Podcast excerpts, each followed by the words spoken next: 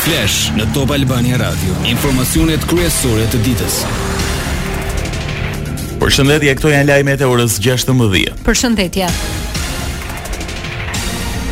Vendimi i prokurorisë së posaçme për të mos nisur hetimet ndaj kallëzimit të depozituar nga gazetari Adriatik Doçi me akuzat e shpërdorimit të detyrës dhe fshehjes së provave për dy prokurorët Klodian Braho dhe Ened Nakuçi, citon një mori nenesh e ligjesh mbi të cilat funksionon SPAKU. Megjithatë, asnjë referim ligjor e rregullator nuk justifikon dy prokurorët përballë vendimit të tyre për të mos përfshirë në dosjen e inceneratorit të Elbasanit faturat që ngrenë dyshime të arsyeshme se Arben Ahmetaj ka përfituar para nga Klodian Zoto në të paktën gjashtë raste.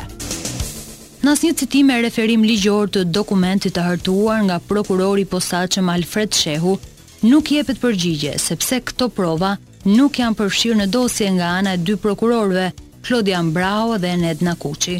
Për ta justifikuar mospërfshirjen e tyre, vendimi braktis logjikën e thjeshtuar juridike dhe hyn në terma socio-psikologjikë. Si shembull, në një nga pikat e vendimit, përdoret një gjuhë e tejzgjatur dhe përsëritëse për të treguar se prokurori i posaçëm është zot i dosjes së vet, por pa treguar për asnjë moment nëse gjatë hetimeve prokurorët Braho e Nakuçi kanë përdorur dy standarde në vlerësimin e provave.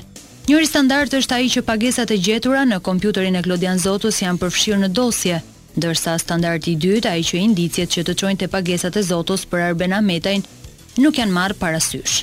Në vend të argumentimit ligjor se pse nuk janë përfshirë dokumentet që tregojnë përfitimet e Ahmetajt nga inceneratorët, vendimi për mosfillimin e ndjekjes penale të dy prokurorëve Braho e Nakuçi flet për bindjen e brendshme të prokurorëve në pikën katër tre dymbëdhjetë. Pika shtjellon se çfarë do të thotë bindje e brendshme, duke shpjeguar se ajo është ndjenja që formohet te organi procedues, në këtë rast te dy prokurorët Braho e Nakuçi për saktësinë dhe mjaftueshmërinë e provave. E thënë më thjesht, mospërfshirja e provave që implikojnë Arben Ahmetajn me inceneratorët, justifikohet me bindjen e brendshme të dy prokurorëve dhe jo me vlerësimin nëse provat në fjalë janë me vlerë për hetimin apo jo. Në të njëjtën pikë, alibia që ngrihet në mbrojtje të dy prokurorëve lidhet me dyshime se këto prova mund të mos jenë të vërteta. Në lidhje me vërtetësinë, prokurorët Braho e Nakuçi si rregull duhej t'i verifikonin në pajisjet elektronike të sekuestruara të Klodian Zotos. A është bërë ky verifikim? Nga denoncimi i gazetarit Adriatik Doçi kuptohet që po, por thjesht dokumentet që përfshijnë Arben Ahmetajn janë lënë jashtë dosjes. ndryshe nga sa është vepruar me emrat e tjerë të çështjes. Ministrja e Financave dhe Ekonomisë Delina Ibrahimaj konfirmoi se për shpërdorim detyre prokuroria po heton sekretarin e përgjithshëm të dikasterit që drejton. Ministrja tha se është në dijeni të rastit e se prokuroria do të japë rezultatet e hetimit. por nuk dha shumë detaje. Sigurisht që jam në dijeni dhe Prokuroria do bëjë punën e vet. Ministria e Financave dhe Ekonomisë kryen pagesa dhe ka një nga funksionet e veta primare kryerjen e pagesave nëpërmjet thesarit dhe për llogari të qeverisë. Prokuroria do bëjë punën e vet dhe jam e bindur që do të dalin rezultatet e veta. Top Channel zbuloi se Arlind Gjokutaj është nën hetim lidhur me dëmshpërblimin për herë të dytë të një ish-objekti shtetëror e që përllogaritet se i shkaktoi buxhetit katërqind e tetëdhjetë milionë lekë dëm.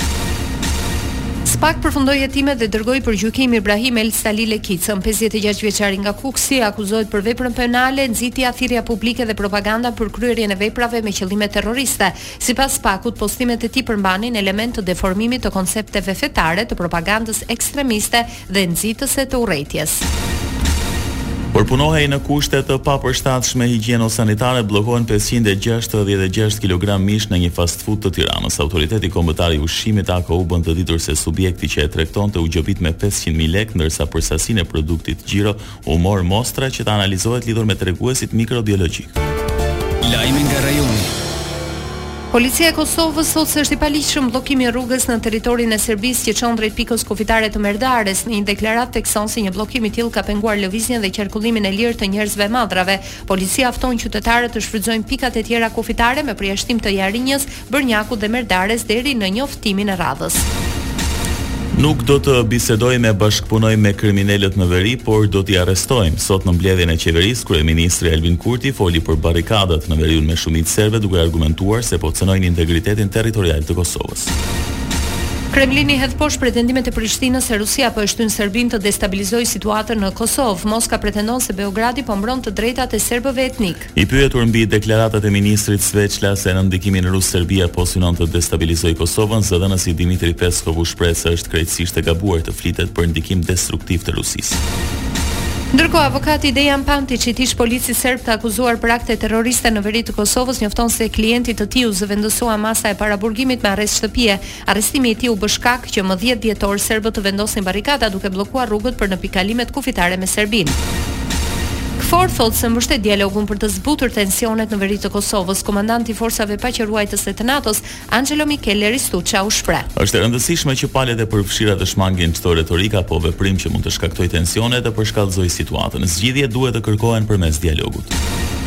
Tensionet në veriun e Kosovës me shumicë serbe kanë shtuar diskutimet mbi përfshirjen e mundshme ruse në nxitjen e tyre si dhe rreth frikës nga shpërthimi i dhunës që u rrit nga fillimi i agresionit të Rusisë në Ukrainë. Ekspertët rusë thonë se Moska, e cila mbështet hapur Beogradin e nuk e njeh pavarësinë e Kosovës, bën deklarata të dëmshme që turbullojnë edhe udhëheqjen e Serbisë. Rezultoi fals alarmi për bombë, rihapet Aeroporti Ndërkombëtar i Prishtinës Adem Jashari, më herët gjatë ditës Sotme ky aeroport u mbyll përkohësisht dhe pas kontrolleve policia nuk gjeti asnjë mjet shpërthyes. Pas përfundimit të kontrollit funksionimi dhe qarkullimi në aeroport u kthye në normalitet. Lajme nga bota. Forcat ruse vazhduan të sulmojnë pozicionet ukrainase përgjatë vijës së kontaktit në lindje, sidomos në Donjeck nuk ndalet ofensiva në drejtim të Bakhmutit dhe Avdivkës, dy qytete që po zhvillohen luftimet më të ashpra në muajt e fundit. Në shënjestër mbetet edhe Kersoni, qytet i rimarrë nga ukrainasit e ku në njëzet e katër orë rusët ndërmorën tridhjetë e tre sulme me artileri e një ajror.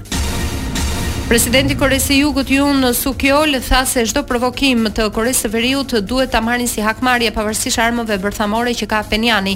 Pesë dronë të veriut komunist kaluan në territorin e Koresë së Jugut duke detyruar ushtrinë të aktivizojë avionët dhe helikopterët luftarakë për t'i rrëzuar. Parashikimi i motit. Vendi do të vijojë nën ndikimin e kushteve atmosferike relativisht të paqëndrueshme, moti parashikohet me kthjellime si dhe me alternime vranësirash. Gjithashtu parashikohen reshje shiu me intensitet të ulët në pjesët veriore e bregdetare dhe lokalisht në qendër. Temperaturat variojnë nga minus tre në shtatëmbëdhjetë gradë Celsius. Dëgjuat një përmbledhje të zhvillimeve kryesore të ditës. Edicioni informativ i radhës është në orën 17. Unë jam Doriana Lato. Unë jam Edi Hallaçi. Kjo është Top Albania Radio.